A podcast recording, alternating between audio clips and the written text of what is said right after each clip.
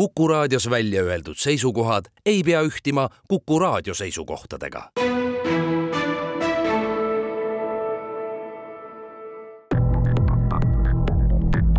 krimiraadio, Krimiraadio tere taas, on reede ja eetris on värske Krimiraadio. stuudios on ajakirjanikud Raul Ranne ja Karel Reisenbuk ning eksperdina on abiks endine pikaaegne politseijuht, poliitik ja kirjamees Andres Anvelt, kes nüüd jagab oma kogemusi eraäris. tänases Krimiraadios võtame jutuks peaasjalikult Leedu autovargad ja ka muud kuritegelikud gastrolöörid. teemat aitab lahata Lääne prefektuuri narko ja organiseeritud kuritegude talituse eriasjade uurija Priit Sveede. tere tulemast Krimiraadiosse. Bridge Vede mm,, Leedu autovargad, see pole ju teile loomulikult tundmatu termin. Pärnu kant nagu ka Tartumaa ja muud Lõuna-Eesti piirkonnad on ikkagi väga sageli olnud just nimelt Leedust saabunud autovaraste tegevuspaigaks. miks on juurdunud selline termin nagu Leedu autovargad, miks just leedulased? no sellepärast, et põhimõtteliselt enamuse sellest tuumikust, kes siin vargil käivad, ikkagi nende auto, autosid varastamas moodustavad ikkagi Leedust pärit kurjategijad, aga eks nad ole ka põimunud vahetevahel nii Läti kui Leedu ühisgrupid, aga ta on, rahvale on ta nagu rohkem jäänud jah, suhu sellise Leedu autovargana.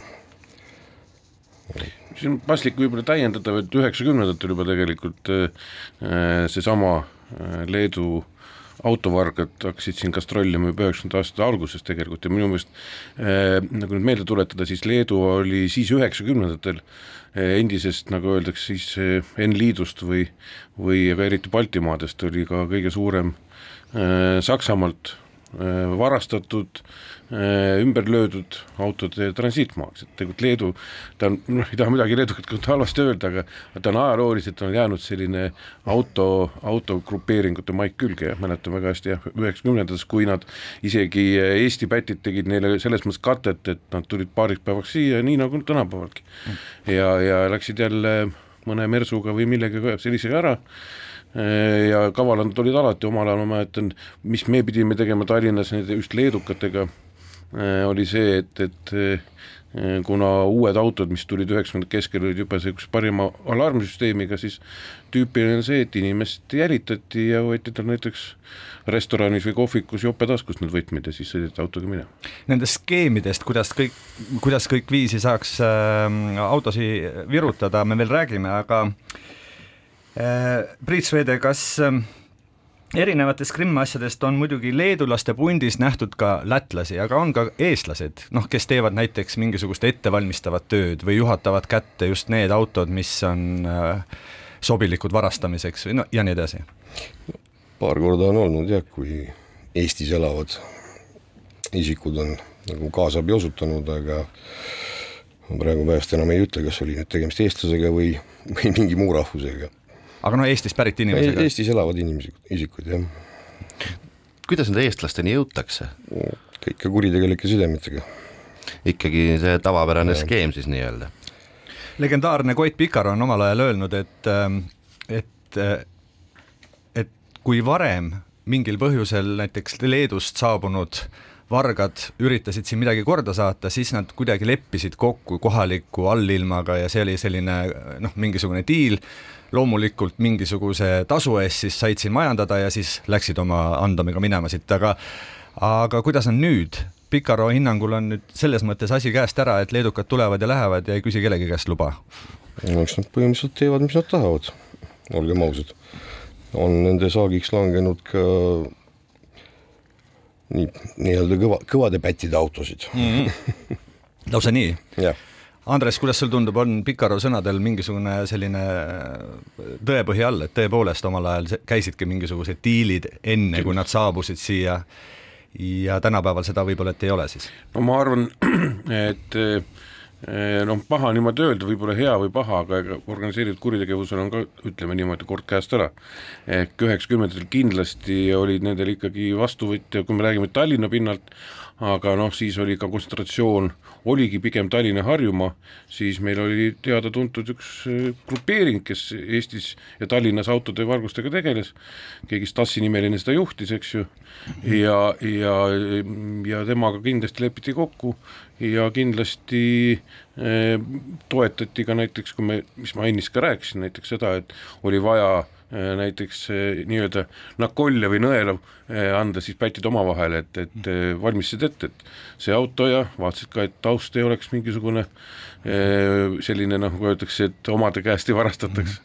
Ja, ja lisaks veel kindlasti see, et, et tol ajal oli väga palju äh, selliste kallima, kallite autode ärandamist ju, esimene katse oli ka tihtipeale see, et seda autot hakati tagasi müüma. Aga kirjeldagem äh, võib-olla ikkagi siis äh, vähemalt proovime kirjeldada neid skeeme, kuidas neid autosid varastatakse, kustkohast see üldse pihta hakkab, keegi peab selle ju tellima, kes see tellija? noh, tellimus tuleb üldjoontes ikkagi Leedust, sinna, kuhu need autod peavad nagu jõudma. kas see tellimus on nüüd eh, selles suhtes nagu lõplik, et ta jääbki nagu Leetu või ta peab minema ikkagi näiteks kuskile Kesk-Aasiasse või, või, või ka või Venemaale. Euroopasse või Venemaale või Valgevenesse, noh, seda me, seda me suht vähe teame tegelikult, on ju. et äh, aga enamus masinaid on ikkagi see, mis võetakse, on ikkagi tellimuse peale. kui me võtame noh, kallimad, ütleme siis premium-klassi autod, no see on ju loogiline, keegi neid nii endale koju hoovi seisma ju ei taha, on ju, neid tahetakse kas siis juppideks, doonoriks, noh, lööme siis terve auto üle, on ju, või siis on mingid variandid, et ongi tervikuna müüakse lihtsalt ära. näiteks kuskile Kesk-Aasia kanti. ma saan aru, et siis piltlikult öeldes tullakse ikkagi eh, nimekiri näpu vahel eh, siia Eestisse ja hakataksegi vaatama, et kus kohas neid siit nimekirjast saaks maha kriipsutada järjest. põhimõtteliselt küll, jah. aga kuidas see eeltöö tehakse? Et me põgusalt siin rääkisime, et võib-olla me- siin keegi kohapeal märgib ära ja, ja tähistab, sest tegelikult kui vaadata nüüd neid eh, noh, lugusid juhtumitest, kus on keegi grupeering äh, kinni võetud ja siis vaadata, kuidas nad on tegutsenud, siis nad ikkagi üsna täpselt on sihtinud, et seal sellist äh, pikka uimerdamist mööda linna ei ole, et minnakse täpselt konkreetsesse kohta, konkreetses hoovis, konkreetse auto kallale ja tehakse asi ära, et seal näib olevat ikkagi väga põhjalik eeltöö. no esimesed aastad, kui me vaatasime, et siis autod, autod vaadati lihtsalt linna vahel sõitmise käigus, noh, tuldigi päris pikalt, ette sisse, sõideti, vaadati see mudel, see mark, see sobib, on ju, ja siis hakati neid vaatama öö jooksul, et kas nad siis on, kus nad seisavad, kuidas nad on pargitud, kas nad, ühesõnaga, kas neid on hea võtta, on ju. hiljem on ka mitu korda välja tulnud seda ju, et äh, üks grupp, kes eelnevalt siin vargil ära käib, see juba teeb ka nii-öelda luuret ja paneb kirja, kus asub mingi mark, kuidas on juurdepääs, kas nagu sobib, kas mitte, kas me saame sealt kiiresti ära sõita või ei saa. ja eks ka neid andmeid on politsei kätte, nagu öeldakse, menetluste käigus langenud ja kõikvõimalikud tänapäevased äh, kaardirakendused ja fotorakendused on siin suureks abiks neile, paraku seda küll, jah. Eks nad teevad ise ka pilte ja, ja märgivad teatud asju ära. no need skeemid, ma saan aru, et tegelikult äh, selle siin mingisuguse kümne või isegi rohkema aastaga nagu eriti palju muutunud ikkagi ju vist ei ole, et need skeemid on üldjuhul jäänud samaks põhimõtteliselt küll mm. -hmm. no ikkagi ülesanded, neil on ikkagi väga nagu selline mm, hierarhia, süsteem. hierarhiline süsteem on kõvasti üles ehitatud, ülesanded on ähm, väga täpselt ära jaotatud, milline see süsteem seal täpselt on, millised need äh, pulgad seal redelil on? no kõige üleval on ikka nagu tavaliselt pea on ju. kes siis siia tulevad, on, on siis, kas siis ongi spetsialist nii-öelda ka juba brigadiiri rollis või Just. ei ole, tulevad siia, üldjoontes on need need mehed, kes siis äh, valdavad seda tehnikat, millega auto käima pannakse, ära varastatakse nagu. kõige madalamad mehed jäävad sinna need nii-öelda sõidumehed, kellele siis sajast kolmesaja euroni võib-olla antakse seal raha ka, et näidatakse, et automootor töötab, Leedu-Läti on seal, hakake sõitma. noh, põhimõtteliselt nii ta on, on ju. see, kas nad vahetevahel eksivad ära nagu siin noh, üks mees Viljandi kandis eksis natukene mutta ära, on ju, no juhtub, midagi teha ei ole. ja, ja aga te ütlesite sada, kolmsada on see tasu, sada kuni kolmsada eurot eh, selle eest, et riskid siin eh, kõige rohkem tõenäoliselt ja ja ei rohkem, ei sentigi rohkem, nagu öeldakse. no nii nad on ise nagu öelnud, et ega rohkem nad ei ole saanud, jah no ja ega nad vist saadavad ka siia tüüpe, kes on nii-öelda puhaste paberitega, et äh, see, kellel on juba oht siin äh, kinni, kinni kohe kukkuda, vist neid vist päris ka ei saadeta. no eks nad kasvatavad ju oma noorust ka vahetevahel seal. siin olid ju juhtumid küll, kui rooli taha põhimõtteliselt läks vaata, et alaealine peaaegu on ju, peaasi, et nagu öeldakse, sõita oskad. aga noh, nagu Pärnumaal oli juhus, kui päris hästi ikkagi ei osanud ja ringteelt sõideti sillad alt ära, on ju, nagu öeldakse, vastu äärekivisid. samas jälle teised mehed, kes on olnud ka näiteks endised rallisõitjad, on selles grupis näiteks, nendega on ju väga hea sõita, nemad ju oskavad tee peal ju autot vallata ja käitada kõike. Mm..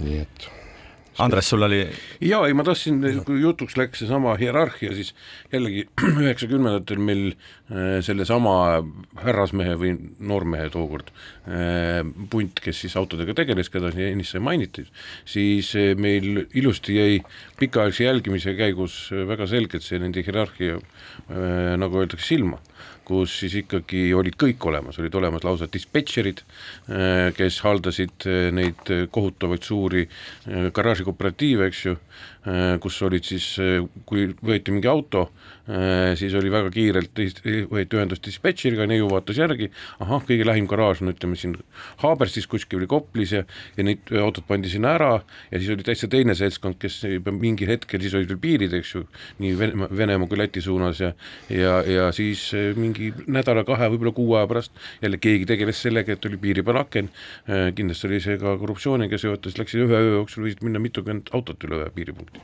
et süsteem oli väga üles ehitatud alt üles, väga nagu öeldakse, karmi käega. aga teeme siin väikese pausi. krimiraadio, Krimiraadio krimiraadio jätkub, stuudios on ajakirjanikud Raul Ranne ja Karel Reisenbuk ning nagu ikka, on meil ka eksperdina täna kaasas äh, omaaegne tipp-poliitik, äh, tipp-politseinik, äh, igasuguseid tiitleid võib sulle, Andres, andmelt anda. Ja külas on täna Lääne prefektuuri narko- ja organiseeritud kuritegude talituse eriasjade uurija Priit Švede täna räägime Leedu autovarastest ja ka muudest äh, kuritegelikest äh, külalisesinejatest ja tuletan ka headele kuulajatele äh, meelde, et meie saates on võimalik ka osaleda, kellel on mõtteid ja küsimusi, siis läbi Whatsappi rakenduse saab need mõtted ja küsimused meile teele panna ja siis number, Whatsappi number on viiskümmend kolm neli null viis viis viis null ja võimalusel me kanname ka need ette. Räägime siis veel peenematest asjadest. muide, möödunud aasta alguses teatas Põhja prefektuuri kriminaalbüroo juht Urme Tambre, et Leedu autovargad käisid Eestis testimas meie inimeste valmisolekut ja märkis samas sõnumis nii, et ärge unustage, et auto võti tuleb hoida välisuksest ja seinast kaugemal, et selle signaali ei saaks pikendada autoni. no võhikuna ma pean küsima, et äh, Priit Sveede, selgitage, mida tähendab võtmesignaali pikendamine igal võtmel, noh, nagu ütleme siis elektroonilisel seadmel ikkagi on ju sees oma nii-öelda immo, immokivi, mis annab nagu teatud signaali, mis on ühendatud autoga, käivitusseadmega, äh, starteriga. Ja et seda signaali siis nüüd mm, varaste eest äh, varjata, selleks, et seda mitte noh, kuidas ma ütlen, seade mis võimaldab võtmes seda signaali pikendada, on ju, no need on erineva, erineva võimsusega, võtavad erinevalt kauguselt ja noh, erinevatest, ütleme siis materjalidest ka läbi, on ju, noh, kõige lihtsam, millest ta läbi võtab, on meil tavaliselt aknaklaas mm. -hmm. ei ole seal määravaks rolliks ka niisugune kerge küprok ja, ja, ja noh, nagu tänapäeval on, need kipsplaadid võib-olla segab rohkem siis maja, kus on seda raudbetooni rohkem karkassi sees. ja ja ikkagi, mismoodi see käib, et äh, kas ma saan aru, et kodus ukse kõrval ripub võti, siis tuleb äh, Leedu pätt kohale, paneb mingisuguse seadeldise, millega ta siis selle võtme küljes olevat signaali siis pikendab sinna autoni, oma siis manipuleerib justkui mingi vaheseadmega selle kõikele. ei, see, see on nii, et noh, kui see võti sul ripub, siis jah, ma tulen selle seadmega ehk siis signaali pikendaja, mis on siis nagu erivõimsusega äh,. on need tehase tooteid, mis on siin võimalik ka Hiinast tellida, on ju, võib-olla noh, formaadilt võib-olla seal alates A5-st on ju väiksed, erinevate sagedustega töötavad, äh, noh, meie menetlusest käis läbi aparaat, mis oli tehtud ise ja kuna plaat oli hästi suur, siis antenn oli noh, kuuskümmend korda umbes viiskümmend oli selline plaat, selle ümber oli siis see võimenduseks antenn ehk siis kaabel. Ja see võttis meil masinat enam-vähem kuskil eksperimendi käigus umbes kahekümne meetri pealt läbi aknaklaasi. kahekümne meetri kauguselt manipuleeris ja tegi auto lahti? tegi auto lahti, siis omakorda järgmine seade oli siis see, mis siis aitas meil selle signaaliga käivitada masina, no ja edasi oli juba siis sirge tee, kuhu edasi sõita viga ainuke selle asja juures on see, et me ei, kui selle seadmega seda autot käivitada, siis põhimõtteliselt kui see auto tee peal seisma jääb, siis ta rohkem ei liigu. et see on see meie noh, ütleme nende miinus siis. nii et tuleks ühe jutiga, kes siis Läti või Leetu jah, nii, nii nad sõitsid ka ja eks nad jätsid neid masinaid seisma ka erinevatesse kohtadesse, kus nad otsisid äh, jälitusseadmeid Äh, mis on tehase poolt paigaldatud, noh, sageli olid juhused, kui tõmmati terve armatuurlaud, tõmmati nagu lahti, et seda seadet üles leida. kas siis leiti üles, jäeti auto maha, tavaliselt peale seda, kui auto maha jäeti, siis see auto võidi täis lasta näiteks vahukustutit, mis hävitas kõik jäljed ära või siis noh, igas autos on see kümme V nelikümmend väike õli, laseme sellega ühesõnaga me hävitati kõik jäljed ära, mis oli, mis oli võimalik nagu veel jätta sinna autosse. juhul, kui jäädi seisma? juhul, kui auto jäi seisma, jah see tehniline areng, võib-olla ühe asja lihtsalt ütlen marge korras, eh, mis mul tuli meelde praegu äh, ise nagu kätt ei saanud sellele otse peale panna, aga siis, kui me tegime üheksakümnendate lõpus selle suurema äh, keskpaigas selle suurema realiseerimise, kus oli siis nagu ma ennist ka rääkisin, see, kus oli näha kogu see hierarhia ja kõike muud, siis kui üheksakümnendatel hakkasid tulema need täitsa uued eh, signalisatsioonisüsteemid ja mis oli täielik ka eh, kosmos ka alguspättidele, siis kuskil üheksakümne kuuendal ja seitsmendal aastal, ta praegu täpselt ei mäleta, eh, viisid Eesti pätid isegi ostsid sisuliselt legaalse auto see viidi Piiterisse, Piiteris oli üks äh, nii-öelda teaduslik uurimisinstituut, kus see auto võeti juppideks lahti ja selle pealt siis koostati neid äh, umbes samasugust tehnikat, nagu ka Priit rääkis, noh, ütleme niimoodi, et, et nad proovisid olla võimalikult innovatsiooni ligidased ja sellepärast nad äh, isegi nägid selleks vaeva, et, et ennem kui ärandama hakkasid, ostsid auto näiteks teenindusest ja viisid selle lammutamiseks. harjutati, käidi harjutamas kätt. Ähm me rääkisime enne siin nendest eh, brigadiiridest eh, ja just eh, miks ma neist brigadiiridest räägin, siis nad olid tegelikult ikkagi spetsialistid, sellepärast et brigadiiride ülesanne vist oligi, ma saan, aru, et ainult see äh, auto avada, istuda ise saateautosse, siis panna see mingisugune noor nii-öelda rallisõitja või, või jalajäline sinna tanki ja ise seda autot äh, nii-öelda jälitama äh, asuda. ma tahtsin veel küsida ikkagi selle tehnika kohta, sellepärast et ma olen lugenud, et tihti ka kasutati ikkagi väga selliseid kalleid seadmeid ähm, mis siis kasvõi äh, olid saateautost, kui saateauto oli selle varastatud auto läheduses, äh, siis äh, nii-öelda neid GPS seadmeid siis kuidagi jammis või, või blokeeris. no juba ainuüksi see võtme pikendaja, ütleme võtmesignaali pikendaja, nii palju kui kui meie kodanikud suutsid, nagu öeldakse, meiega avameelsed olla menetluse käigus, maksis ikka päris mitukümmend tuhat eurot kui see valmis tehti ja kui algusaastatel ei olnud igal grupil seda võtta, siis seda laenati raha eest ühele grupile, teisele grupile, kes tulid, tegid. noh, kuna internetist täna on kõike võimalik osta, siis jah, jammerid on toredad asjad, on ju, et see on võib-olla seal mingi paarikümne meetri peal blokeerida kõike, aga olenevalt suurusest ja võimsusest ju see ala laieneb.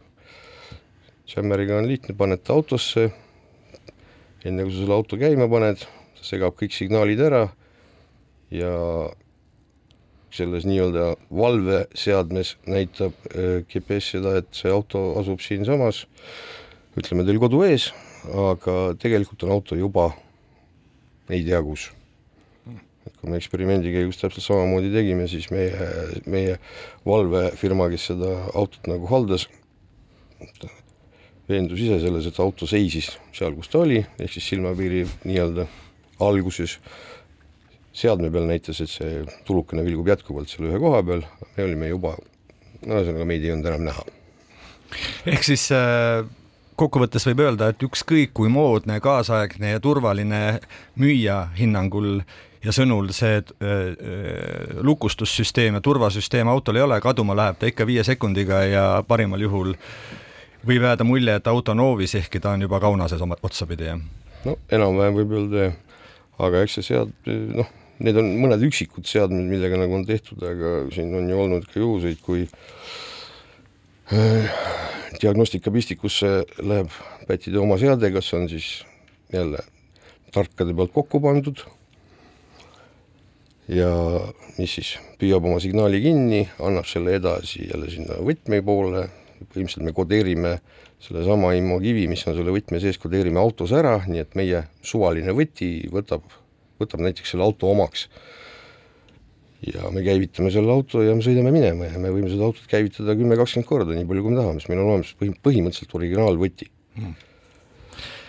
või Läheb... siis nagu uuema skeemi järgi võtta, et meil on need Land Cruiserid, mm, Toyotad ja täna nüüd RAV4-d, eh, siis äh, sealt on juba ju palju ka sellest minu arust räägitud, et ei ole vaja enam mingit seadet nii väga eriti, et äh, seda autot ära varastada, vaid äh, läbi, läbi selle esitule, esitule mm. -hmm. me teeme need uksed lahti ja siis käivitame ja lähme mm. -hmm. ja jälle keegi ei tea midagi, kus auto on. Lähme tehniliste üksikasjade juurest nii-öelda suurte struktuuri, struktuuride juurde tagasi. Karel kirjutas juba paar aastat tagasi, kuidas äh, pärast pikka ja põhjalikku menetlemist tõid teie Tartu kolleegid kohtu ette Kaunases baseeruva Leedu ühe kurikuulsama ja ohtlikumaks peetava Kamuolase maffiajõugu liikmed ja sealhulgas aurimas Skirgaila, keda peetakse viimasel ajal Eestis toimunud autovarguste üheks peamiseks niiditõmbajaks. justkui tundus, et nüüd võeti maha ikka väga oluline punt ja rahu peaks majas olema, ometigi kõik jätkub. jätkub vähem jätkub vähem, mõnda aega? mõnda aega jah, noh, kui me võrdleme seda, mis oli siin eelnevatel aastatel, siis neid autosid ikka läks, aga see aasta nagu on tunduvalt vähem. No siin tasub meelde tuletada, et üheksakümnendatel sul päevas Tallinnas võis yeah. minna kuni kuuskümmend autot see on tõsi, et ütleme, ajad selles mõttes on muutunud, aga teises mõttes jällegi kõik jätkub, et äh, Leedu autovargad ja autod autosid varastatakse, aina kallimaid ja uhkemaid. noh, autohinnad tõusevad, et kõik, kõik läheb kallimaks üks oluline asi on öelda, mis jälle Leedu ei, taha mustata Leedut, aga eh, kui ma mõned aastad tagasi töötasin Ukraina siseministeeriumi nagu reforme, aitasin nõustada, siis oli sellest väga palju juttu, et tegelikult see oli ka ennem sõda veel.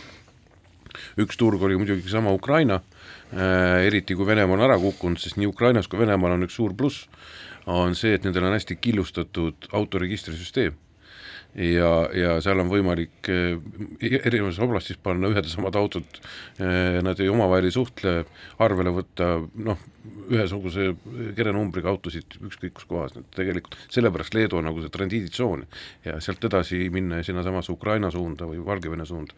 Venemaa, Valgevene nüüd vähem, aga Ukraina oli ennem sõda ikkagi üks suurem, nagu öeldakse siis vastuvõtja, varastatud asjade vastuvõtja riik viiskümmend kolm, nelikümmend, viis, viis, viis, null on Whatsappi number, kes soovib osaleda, meie teeme siit ühe väikese pausi. krimiraadio, Krimiraadio.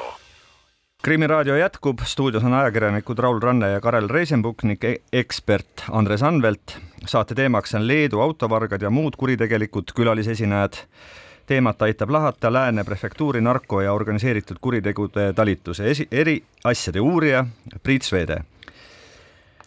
siin äh, Leedu maffiajõugust nimega Camülos rääkides, minu teada peaks see tähendama leedu keeles tegelikult palli, sellepärast selle liider on suur pallimängu armastaja. kas on ikkagi nii, et nii-öelda need auto varguste nagu see jäme ots on ikkagi ära jagatud miskisuguste grupeeringute vahel Leedus või on need, või on ka selliseid väiksemaid üksiktegijaid? minu arust menetlustega me oleme saanud nagu paika selle, et on erinevates linnades on oma suuremad grupid, kes tegelevad sellega, noh, see, kas nad omavahel midagi ära jagavad seal Leedus, no ega me seda alati täpselt ei tea. sest ega siit me saame ju minna edasi alles siis, kui meil on peale autovargust paika või ära tuvastatud see, et kes siis on selle asjaga üldse seotud, on ju. ja kui me hakkame jõudma siis mis linnani, hea on, kui meil on see informatsioon eelnevalt olemas, siis me juba oskame natukene targemad olla, aga kui me seda ei tea, siis seal võib olla ka rahulikult, et on ühe regiooni brigaad, teeb töö ära, aga lammutamisele või hoidmisele läheb üldse teise regiooni no miks ma seal äh, palligrupeeringu ümber nii palju tüürin, et seda Kamulust on Leedus peetud üheks ohtlikum, üheks ohtlikumaks grupeeringuks. ma tahtsin küsida, et kui tegelikult ähm, politsei vaates just äh, ohtlik see teile on, et te vist ei tea ju kunagi, et need äh, autopatid, neil on ka tõenäoliselt ikkagi tukid kuskil äh, pagasnikus või, või, või tooli all mäleta nagu, et üldse kellelgi oleks olnud mingisugust sellist tulirelva kaasas, on olnud küll paar korda, kui on autodes on olnud gaasirelvad. siin käis ju meediast ka läbi üks videoklipp omal ajal samamoodi Tartus toime pandud autovargusest, kui on näha, et mees on ukse taga, kes sama signaali nagu pikendab, on ju, ja tal on käes siis revolver, on ju, noh. see ei olnud ka, õnneks nagu päris relv. saan aru, et Andres, seal üheksakümnendatel, kahe tuhandete alguses olid võib-olla siis vargad pigemini varustatud tulirelvadega ja, ja noh, ütleme see kõik see menetlemine oli selle võrra ohtlikum? no tuleb vahet teha veel üheksakümnendatel väga levinud, väga levinud autovarguse, õigemini röövimise stiil oli väljaviskamine, eks ju mm.. ja, ja äh, sealjuures muidugi olid äh, Äh, need äh, tüübid pidid olema siis relvastatud selleks, et äh, näidata oma siis üleolekut. väljaviskamine oli see, et ikkagi põhimõtteliselt kas maja ees või kuskil liikluses tuldi ligi. isegi liikluses on jah ja, valgusfoori taga on juhtunud seda. mingi gänk tuli, tegi uksed lahti, viskas juhi autost välja, sõitsid minema kogu lugu. ja, ja kunagi mul ühed kinni võetud autovargad pärast rääkisid, see on tõesti, see lugu on selline natukene võib-olla humoorikam, aga siin Kreutzwaldi tänaval tuldi ühte metalliärimeest eh, oma BMW-st välja viskama. Ja tal oli ka muidugi oma relv, TT, ja siis ta tahtis teha hoiatuslasku ja lasi endale jalga, mille peale siis need autovargad jooksid minema, sest mõtlesid, et kui hoiatuslasku lastakse enda pihta juba, mis ta nendega teeb siis?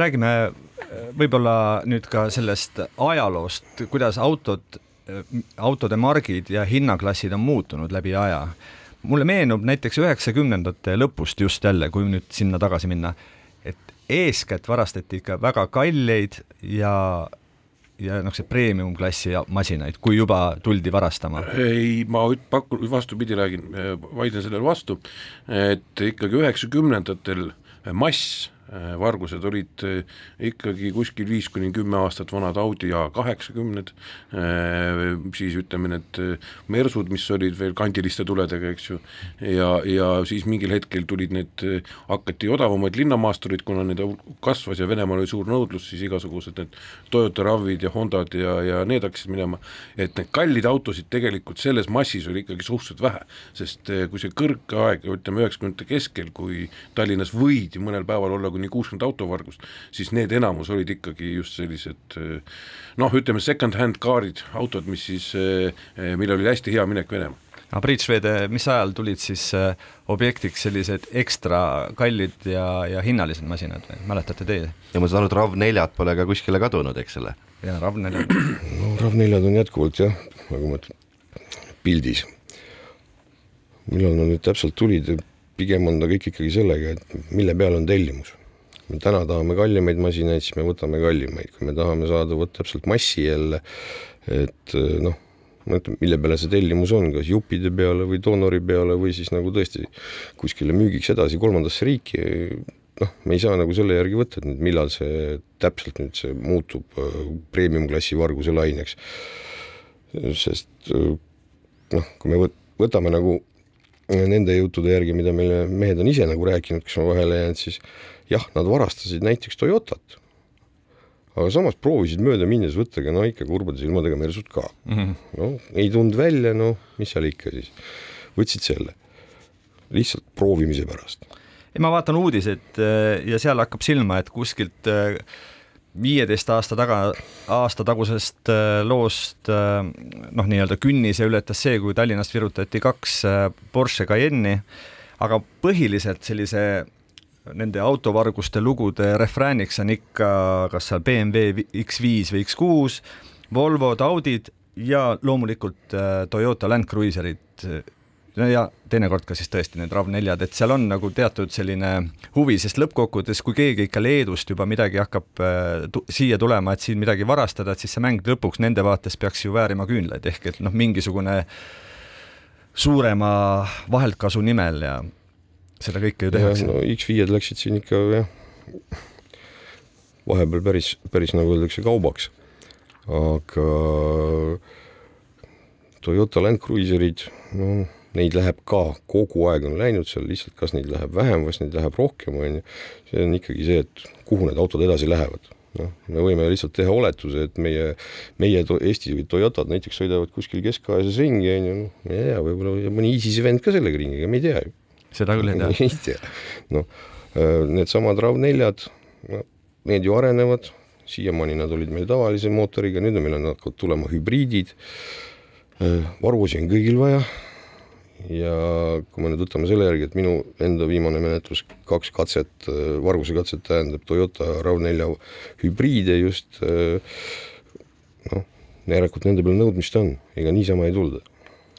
Toyotatel muideks oli nõudmine kõva ikkagi, ma tuletan ka nüüd meelde Priidu jutu kõrval, üheksakümnendatel täpselt samuti ja äh, see pääd isegi ühe suure äh, raskema kuriteoga kui Amservi esindusest, esindusest viidi ära äh, kümmekond Toyotat sisuliselt müügisaalist ja siis eh, neid valvanud turvamees eh, leiti siis Tartu maanteel eh, peale Ardu asulat maha lastuna mis ta siis võeti kaasa seal? ta võeti kaasa, see jäigi segaseks, see kuritegu ei leidnud kogu lugu ei leidnud lahendust, seal mingid jupid leidsid lahendused, autod, mingi auto leiti ka üles, oli maha jäetud, enamus läksid siit minema, aga tema jah, jäigi kahtluse üles, kas ta oli seotud või oli ta lihtsalt kaasa võetud. tulles nende Leedu grupeeringute juurde nüüd ikkagi, siis äh, kui laia haardega nad on või on kuidagi Eesti eriliselt äh, atraktiivne? Eestis olid vahepeal lihtsalt äh, inimestel korralikumad ja kallimad autod. aga ajaga ju muutub see. no täna võime vaadata nagu teist pilti, et Eestist varastatud või tähendab Eestist nagu neid autosid väga palju enam ei lähe. ja samas on niisugune väikene trend tekkinud, et eestlased käivad hästi palju Lätis. miks ma pean siia Eestisse sõitma, kui ma lähen Lätis kuskile hotelli juurde, seal on rivis kõik Eesti masinad, vajaliku mudeli, vajaliku margiga, need autod lähevad sealt. lausa? lausa. nüüd markide poolest, kui te märkisite, et noh, et Eestist varastati seepärast, et siin olid inimestel äh, ägedad ja moodsad ja, ja võib-olla siis ka kallid autod, siis nüüd Lätist üsna, üsna nüüd hiljuti tuli signaal, et äh, Leedu autovargaid on sealkandis hakanud huvitama kõige lihtsamad rahvamasinad siin, Kiiad, Hyundai'd millega selle, seda seletada, et äh, kohanevad ja ka kurjategijad? jah, kusjuures Eestist Kiiasid äh, ei mäleta, et oleks nagu selles nimekirjas olnud üldse, mis oleks läinud see oligi hoiatav artikkel Lät-, Läti politsei sõnul, et olge valmis, et seal juba tuulutavad. no see on juba umbes aasta jagu on sellest juttu olnud, et Lätist on varastatud nii Suzukisid, Hyundai'sid kui, kui Kiasid, ehk siis noh, me võime siis oletada lihtsalt seda, et leedukate kätte on sattunud rohkem Korea tehn-, autodele mõeldud tehnikat, millega neid nagu kiiremini ära varastada või siis on jällegi ma siin või siis on tellimus jälle nagu jah tulen oma hüpo-. rahva, rahvaautodele. tulen oma, oma hüpoteesiga, et äh, sõjatandril nende lihtsamate autodega on ju ka päris hea.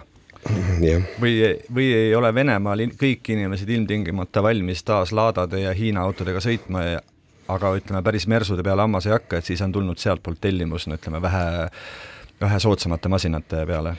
Kui palju sealt nüüd Venemaale üldse võimalik praegu No läbi viia, Kasahstani saab asju viia küll. läbi Tinglikult. läbi, läbi teiste riikide on võimalik viia absoluutselt kõike, nagu me siin meediast kuuleme. aga noh, lihtsalt näide elust enesest jälle, kui meil oli Toyota, ei, valatan, need Honda äh, linnamaasturid ja võeti lahti juppideks uksed, tiivad, mootorid, rattad, kõik eh, noh, nagu legoklotsid. ja need inimesed, kes sellega siis nagu öeldakse Läti Liidu piiri peal meil vahele jäid, ütlesid otse ära, et milleks mul on vaja viia seda masinat tervikuna sinna üle piiri ja loota kogu aeg või põdeda, et ma jään vahele, kui ma teen nende juppidega pealekauba kolmekordse kasumi. Neid maha müües äri tahab tegemist. ja, ja sama garaaž oli rahulikult, töötas kuritegelik grupp, töötas Riia külje all. Aga meie teeme eh, siinkohalt veel ühe väikese pausi ja siis oleme peagi jälle tagasi. Krimiraadio. krimiraadio krimiraadio jätkub, nimelt viimane veerand jätkumas on ja stuudios on jätkuvalt ajakirjanikud Raul Ranne ja Karel Reisenbuk, ekspert Andres Anvelt ning tänaseks stuudiokülaliseks on Lääne prefektuuri narko- ja organiseeritud kuritegude talituse eriasjade uurija Priit Švede. ja tänaseks teemaks on siis Eestit väisavad kuritegelikud külalisesinejad, gastrolöörid. Priit Švede politsei ju korrutab aina, et iga inimene võiks ja peaks ka ise oma vara kaitsmiseks midagi tegema. Aga mida siis teha? ma panin tähele, et üks kindlustusfirma pani oma koduleheküljele üles noh, rida meetmeid, mida võiks teha. ma loen ette mõned. ta ütleb, hoia autovõti isoleerituna võimalikult kaugel akendest ja välisustest, sellest me rääkisime, aga edasi. müügil on ka spetsiaalsed vutlerid, mis signaali tõkestavad. järgnevalt signaali takistab ka see, kui mässida autovõti fooliumi sisse. Saab kasutada ka tühja metallist kohvi, kommi ja küpsisekarpe. ja kui valmistaja tehas lubab, siis võib võtit hoida ka näiteks külmkapis.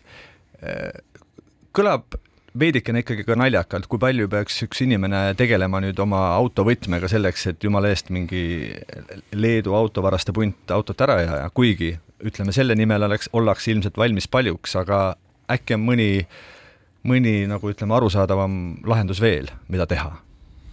Ei noh, nõuanded on toredad. et me võime jah, selle võtme panna sinna fooliumi sisse ja jätta ta kuskile tõesti sinna koju, aga kui me nüüd võtame nagu autovaraste pundid, kes siin on aastatepikku läbi käinud, siis äh, toome sinna kõrvale ühe teise seltskonna, kes varastas autosid, aga nende käekiri oli selline, et kõigepealt murti sisse majja, kui pererahvast kodus ei olnud, võeti kaasa kodus laua peal või fooliumi sees olevad autovõtmed, pandi need autod sõbralikult käima, tehti maja tühjaks ja sõideti nende autodega minema, on ju. et sõltumata sellest, kas majad on signalisatsiooni all, valve all või ei ole, noh, me võime soovitada palju asju teine asi on see, et me paneme selle ühe võtme, paneme sinna fooliumi sisse küll, aga kui mul ei olegi selle käivitamiseks seda võtit vaja, noh, me, me võime inimestele rääkida absoluutselt, no ma ei tea, sada varianti, mida kõike teha. mitte millegi nagu sellise noh, ainuõiget lahendust ei ole me siin saateks valmistudes omavahel rääkisime, et tegelikult võib-olla kõige tõhusam vahend on see, et öelda inimestele, et ärge olge lohakad ja hoolimatud. et kui lähete koju ja ööseks magama, et siis noh, näiteks värava võiks ikkagi kinni panna ja nii edasi. No inimesed on jah erinevad, me siin nüüd käime mööda Uus-Elamu rajoone, ütleme ringi, vaatame ja et eriti sügise poole nüüd, kui saavad läbi need laevasõiduhooajad ja muud sellised tegevused, et väravad on lahti, kaks autot on hoovis, seal on kallid jalgrattad garaaž või selle varjualuse all, siis on ka, kuskil mingi kaater või skuuter, kõik on niimoodi järelaagisti peal, noh, põhimõtteliselt astu sisse, pane autole konksu külge, sõida minema, on ju. Ja järgmine asi, et hästi palju ju tegelikult Eesti inimesel kui sa vaatad nendes uuselamurajoonides, ei kasuta kardineid. ehk siis me vaatame majadest läbi, mul ei olegi vaja minna majja sisse, ma seisan tänava peal ja vaatan, mis seal majas toimub mm. -hmm. nii, ja neid variante on palju, kuidas iseendale tähelepanu nagu tõmmata kusjuures tegelikult ma lihtsalt täiendan, vaat maakera on ikkagi pööranud täitsa teistmoodi, üheksakümnendatel jälle, kui sul äh, olid kardinad ees, siis olid suurema tõenäosusega tuldi sind äh, vargile, sellepärast ja kui olid veel Soome ribikardinad, siis oli kindel pauk, et tehakse korteri tühjaks. nii et ilma kardinata ja siis oli mida varjata jälle. jaa, aga praegu mine tõesti sõida neist rajoonidest läbi ja, sa, ja sa, ja sa näed, mis kõik toimub seal, on ju, kas inimesed üldse kodus on või ei ole, noh, seal ei ole vaja nagu jälle jalgratast leiutada, et kuidas aru saada, et äh, sinna majja on võimalik mm. külla minna, on ju me saate sissejuhatuses ju tegelikult lubasime, et lisaks mm, aut-, aut-, Leedu autovarastele räägime ka teistest gastrolööridest, aega on jäänud väga vähe, aga mõne sõnaga ehk saame. sa, Andres, ju mäletad äh, kahe tuhande esimest aastat näiteks, kui mõrvati toona venekeelset meediat ja muidu seltsielu kureerinud Vitali Haitov ja seal kui mina nüüd õieti mäletan, olid ikkagi põhilised äh, nii-öelda äh, mõrva toimepanijateks äh, jällegi Leedust pärit palgamõrvarid. mäletan ma õieti? jaa, sa mäletad täitsa õieti. ja see oli noh, üks selline kord, kus siis palgamõrvar siis reaalselt ka vangi sattus. palgamõrva tellija oli meil Eesti enda ka üks meediaga seotud inimene, kes siis hoopis Pihkvas äh, sai otsa. Äh, aga mis ma tahan öelda, on see, et, et äh, eks me üheksakümnendatel ja kahe tuhande alguses meil ikkagi päris tihti menetlustes me jõudsime nii-öelda selle Leedu jälje ütleme siis juurde, kuna noh, mõrvu oli siis tunduvalt rohkem, palgamõrvu oli noh, palgamõrvad olid, tänapäeval neid sisuliselt ei ole.